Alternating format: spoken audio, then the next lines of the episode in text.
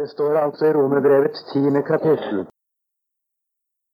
Med hjertet tror en til rettferdighet, og med munnen bekjenner en til frelse. Vers 10. For Skriften sier, Hver den som tror på ham, skal ikke bli til skamme. Ja, så kommer vers 17. Så kommer da troen av forkynnelsen, og forkynnelsen ved Kristi ord. Da har lyst til i dag, som et personlig vitnesbyrd nærmest, å begynne med et ord fra profeten Nahum i det første kapittel og syvende vers. Det lyder slik Herren er god, et vern på trengselens dag, og han kjenner dem som tar sin tilflukt til ham. Det var altså Nahum 1,7. Det å være en kristen er å kjenne Jesus. Det evige liv, sier Jesus, er at de kjenner deg, den eneste sanne Gud, og Ham du utsendte, Jesus Kristus. Vi vet fra Jesu ord at et menneske som går fortapt, går ikke fortapt fordi han er en synder. Han går heller ikke fortapt fordi han har kommet til kort overfor Gud i det han skulle og burde være etter Guds krav. Skulle det være tilfellet, da var det ikke håp for noen av oss. Men Jesus er blitt en virkelig frelser for syndere. Og når et menneske ikke blir frelst, da hører vi bare ett enkelt ord av Jesu munn overfor dem. Jeg kjenner eder ikke. I Johannes evangeliet kapittel 10 hører vi at Jesus sier om sine troende de hører min røst. Merk dere det. Vi har nemlig noe om hørselen i det ordet jeg leste i dag også. De hører min røst. Og det at de hører Jesu røst, det er det som har ført til den karakteristikken Jesus bruker. Jeg kjenner mine, og kjennes av mine. Altså, vi har her dette å kjenne Jesus og å være kjent av Jesus som uttrykk for å være en personlig kristen, et menneske som lever i samfunn med Gud, et menneske som når frelst hjem til himmelen.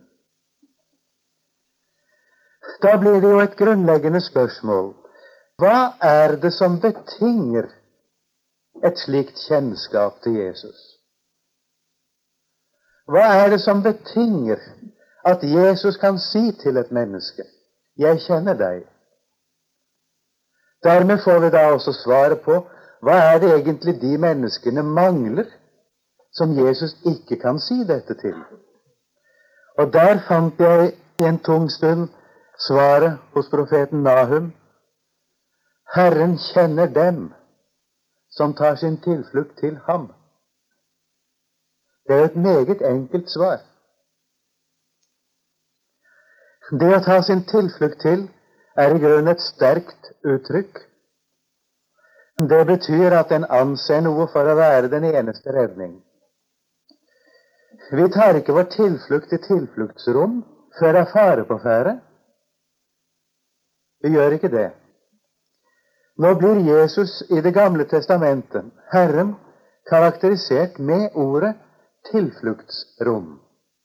Det er oversatt med at Herren er vår tilflukt. Det passer også best å oversette det slik. Men det dekker nøyaktig det som vi mener med tilfluktsrom. Et sted hvor man befinner seg i trygghet for den fare som er for hånden. Det er ikke alle som tar sin tilflukt til Jesus, men det er noen som ganske bestemt gjør det. Og det er de som begynner å innse hvor farlig det egentlig er fordi vi har syndet. Fordi vi er som vi er. Og at det er ikke noe vi kan ta lettvint at vi ikke svarer til Guds krav på oss. Jeg kan ikke ta det lettvint at jeg ikke holder mål etter loven. Jeg vet, når jeg blir stilt ansikt til ansikt overfor Gud, at enten må jeg eie noe som virkelig dekker lovens krav for meg, eller så er det ikke håp for meg. Det gis ikke noe tredje mulighet. Enten må jeg svare for meg selv, og da er det ikke håp. Eller så må jeg få eie noe som gjør meg trygg. Og det vil i dette tilfellet si noe som dekker lovens krav for meg, slik at jeg overfor Gud står der uten å være ansvarlig for noen ting som kreves av meg. Nå sier altså ordet at dette har vi fått i Jesus. Hos profeten var det uttrykt 'Herren kjenner dem som tar sin tilflukt til ham'. Og vi kan spørre hvordan har det seg, og hva kommer det av? Så svarer det ordet vi leste i Romerne 10. Dersom du med din munn bekjenner at Jesus er Herren, og i ditt hjerte tror at Gud oppvakte han fra de døde. Det betyr at jeg i mitt hjerte stoler på at Jesus nå er i himmelen for meg ved Faderens høyre hånd. At Gud oppvakte Jesus fra de døde, betyr ganske enkelt at Jesus er gått inn i himmelen som min representant. Min stedfortreder gjelder der for det jeg skulle ha vært, men altså ikke er, men som jeg overfor Gud allikevel eier og har, selv om ikke er det i meg selv. Den som har tatt sin tilflukt til dette, eier dette. Han kjenner Jesus når han har tatt sin tilflukt til dette. Og han er også kjent av Jesus. Jesus tar oss med der han gjør seg gjeldende overfor Faderen, og gjelder altså for oss. Og da skjønner du vi eier det som i Romerbrevets tredje kapittel kalles den rettferdighet som loven og profetene vitner om. Den rettferdigheten som loven vitner om, det er det fullkomne mennesket. Det er det som jeg må være for at Gud kan godta meg. Og loven gjør det også klart for meg at så lenge jeg er loven noe skyldig, får jeg ikke tilgivelse hos Gud. Men nå sier Guds ord at det som loven krever, har Gud selv skaffet meg. Med hjertet tror en til rettferdighet. Tenk om det sto klart for alle. Troen blir så ringaktet, og det kommer meget av at man er ikke klar over at det er med hjertet et menneske tror. Man ser på troen som en forstandssak. Man ser på troen som en mening. Og hevder av det at det ikke er mye hjelp i å å holde på en mening eller hevde en mening. Man blir jo ikke en kristen ved å hevde en mening. Er det i og for seg sant? Det sier altså Guds ord. Men troen sitter ikke i det intellektuelle. Med hjertet tror en. Her er altså med andre ord spørsmål om et tillitsforhold. Her er spørsmål om å stole på noe. Vi kunne si virkelig stole på noe, ikke i betydningen av en følelsessak, men i betydningen av å virkelig innrette seg på Guds ord. Og der må jeg få bruke en illustrasjon til å forklare hva jeg mener. Jeg sa ikke en følelsessak, men det å innrette seg på Guds ord. En gang ble det sagt til Israel 'Jeg vil se blodet og gå eder forbi. Det var den gangen Israel ble fridd ut av Egypten. Da ble blodet strøket på dørstokken. Og vi kan tenke oss to familier. Begge har strøket blodet på dørstokken. Og vi kan spørre hvem er da tryggest av de to familiene? De er akkurat like trygge og de er ifølge Guds tilsagn og løfte fullstendig sikret Det har Gud sagt. Jeg vil se blodet og gå eder forbi. Det er ingen forskjell på det. De er presis like trygge og er presis like meget frelst. Men i den ene familien sitter de og gleder seg over dette og føler seg trygge. I den andre sitter de og engster seg. Mon det holder? Mon dette var nok? De er ikke i stand til å føle seg trygge, slik som i den første familien jeg nevnte. Men de er like trygge. Og slik er det også i kristenlivet. Det å innrette seg på Guds ord, det vil i dette tilfellet si det at hjertet fatter tillit til Jesus, og vi altså tror med hjertet. Det betyr at et menneske er frelst. Med hjertet tror en til rettferdighet. Dermed er det sagt at alt hva Jesus er, alt hva han gjelder for der han er i himmelen, det er mitt ved at jeg stoler på det. Det blir i Romerne 3, for å gå tilbake der igjen, kalt Guds rettferdighet ved troen på Jesus Kristus. Det er for alle, står det. Altså det er tiltenkt alle mennesker. Og alle mennesker har, som også dette ord peker på, som vi skal nevne, rett til det. Det er for alle, og over alle som tror. Det er Romerne 3, 22. De som tror, eier det. De har tilegnet seg det. Det er altså en Guds rettferdighet ved troen på Kristus Jesus. Vi eier den altså ikke før vi tror. Og hvis det hender at en kristen opphører med å tro, da eier han det ikke efter at han har opphørt med å tro. Men så lenge vi har et hjerte som har tillit til Jesus, eier vi det. Så lenge vi tar vår tilflukt til Ham, hører vi med til dem Han vedkjenner seg som sine. Det er ordnet slik av Gud i Hans frelsesråd at den som tar sin tilflukt til Herren, han blir av Herren selv vedkjent seg fra Herrens side som et menneske som tilhører Herren. Derfor heter det så vidunderlig i det tredje kapittelet i Johannes evangeliet Den som tror, blir ikke dømt. Visstnok skal vi som tror, sammen med alle andre mennesker, fremstilles for Guds dom. Men den som tror, blir ikke dømt. Han blir i dommen frikjent, anerkjent for å være Guds barn. Det blir konstatert for alle i himmelen og på jorden og for alle evigheter at han tilhører Jesus. Han hører hjemme i det fullkomne Guds rike fordi han tror, og ikke av noen annen grunn. Så ser dere hvordan det går i oppfyllelse. Herren kjenner den som tar sin tilflukt til ham. Her er det altså sagt med hjertet tror en til rettferdighet.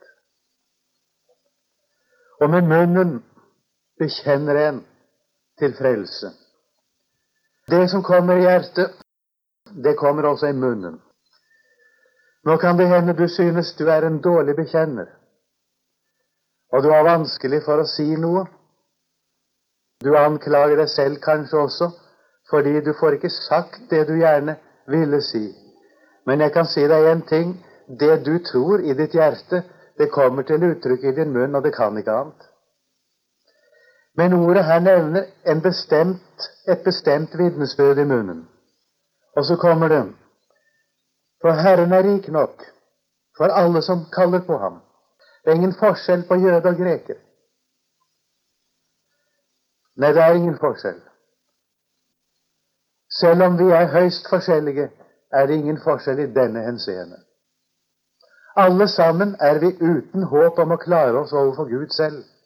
Og alle sammen har vi den ene og samme rett til å stole på Jesus. Det er ingen forskjell. Herren er rik nok for alle som påkaller ham. Han har gjort det han har gjort for hele verden. Og i et annet brev ber apostelen om at de troende må kjenne hvilken høyde og dybde og lengde og bredde det er, og kjenne Kristi kjærlighet som overgår all kunnskap. Denne Kristi kjærlighet er så stor at den overgår vår intellektuelle evne til å fatte det. Den overgår all kunnskap. Den er høy som himmelen og dypest som den dypest falne. Og lengden og bredden er slik at den omfatter hvert eneste menneske på jorden.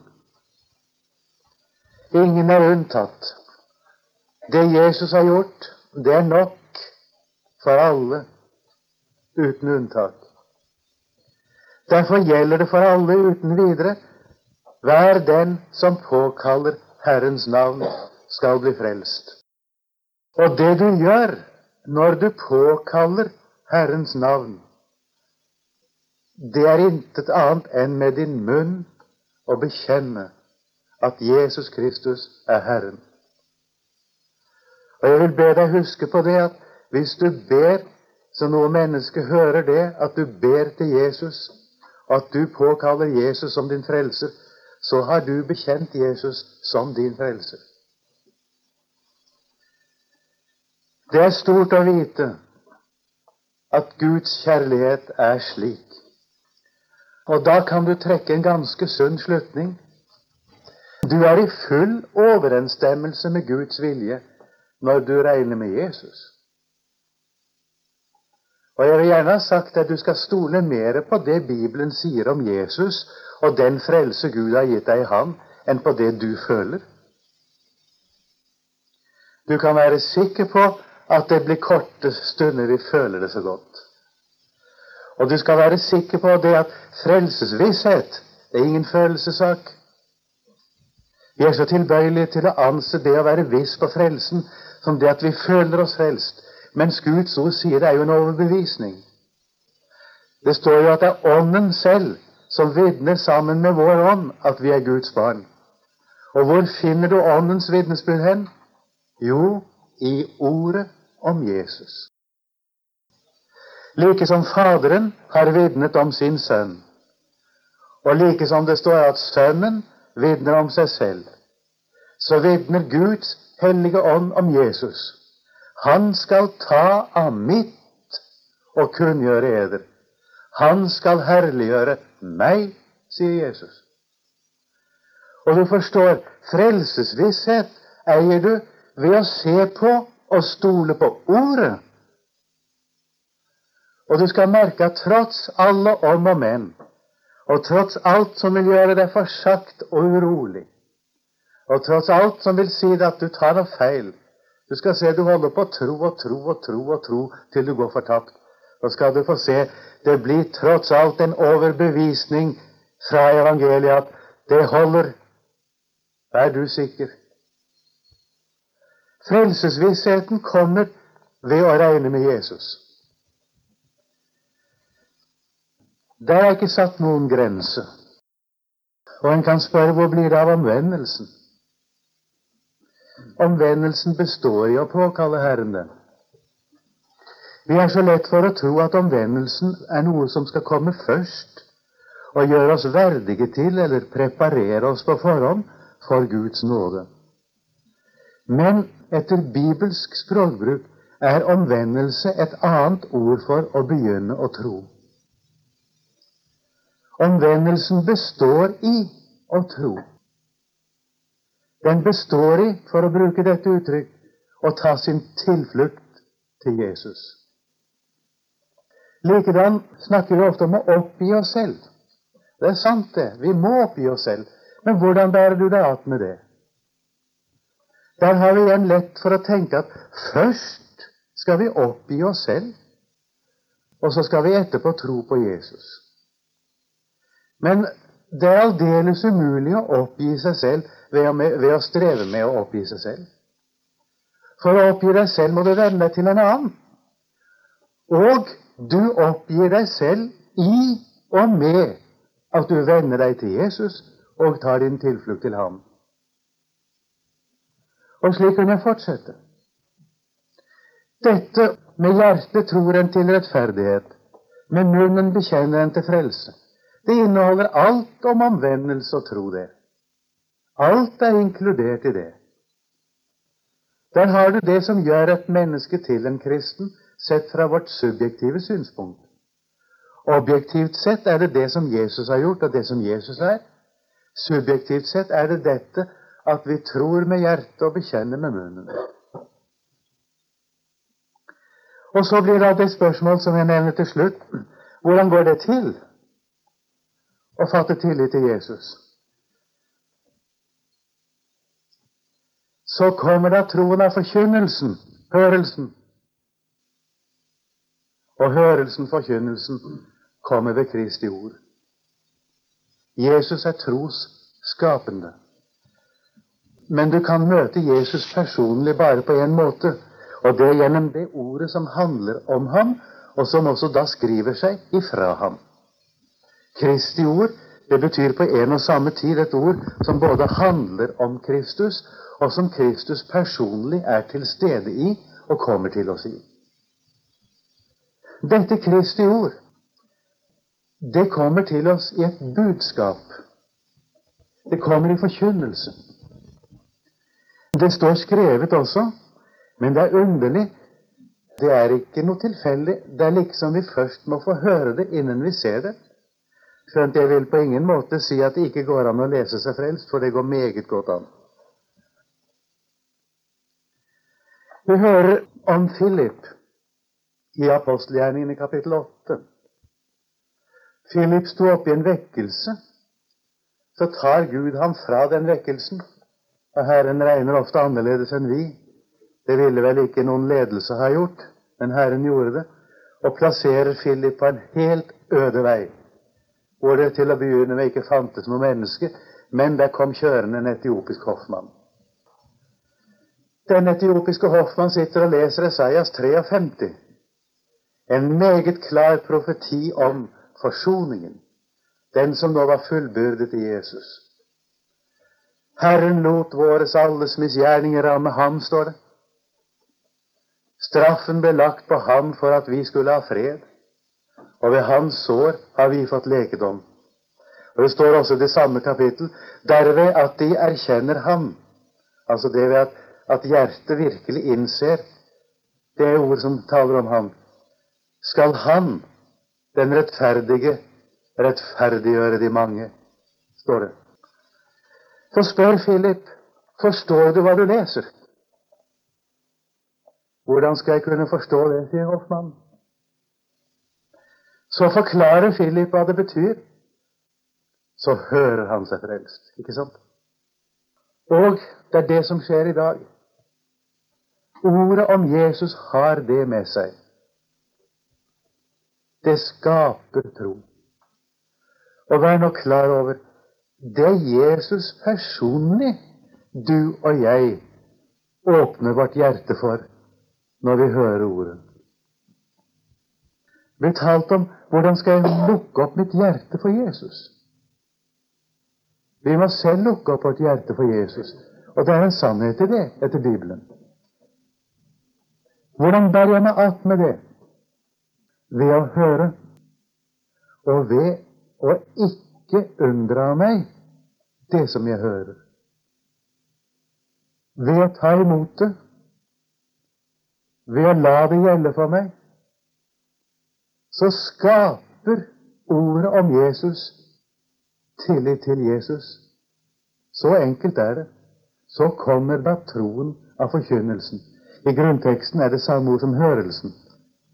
Det betyr på en og samme tid det at det blir forkynt, og det at man hører det som er forkynt. Troen kommer av forkynnelsen, hørelsen, og forkynnelsen, hørelsen, skjer ved Kristi ord. Og hvert eneste menneske som gjennom dette har fått et hjerte som tar sin tilflukt til Jesus, er kjent av Jesus. Jeg kjenner den, sier han, som tar sin tilflukt til meg. så vil vi takke deg for dette ordet, Herre. Vi trenger det. Vi kan aldri få nok av det. Og jeg takker for at jeg får lov å bære det frem. Jeg takker for vi merker at du er der hvor ordet om deg er. Og så ber jeg at det må få svare til det som du har sendt det til. Så takker vi deg også for denne stund i ditt navn. Amen.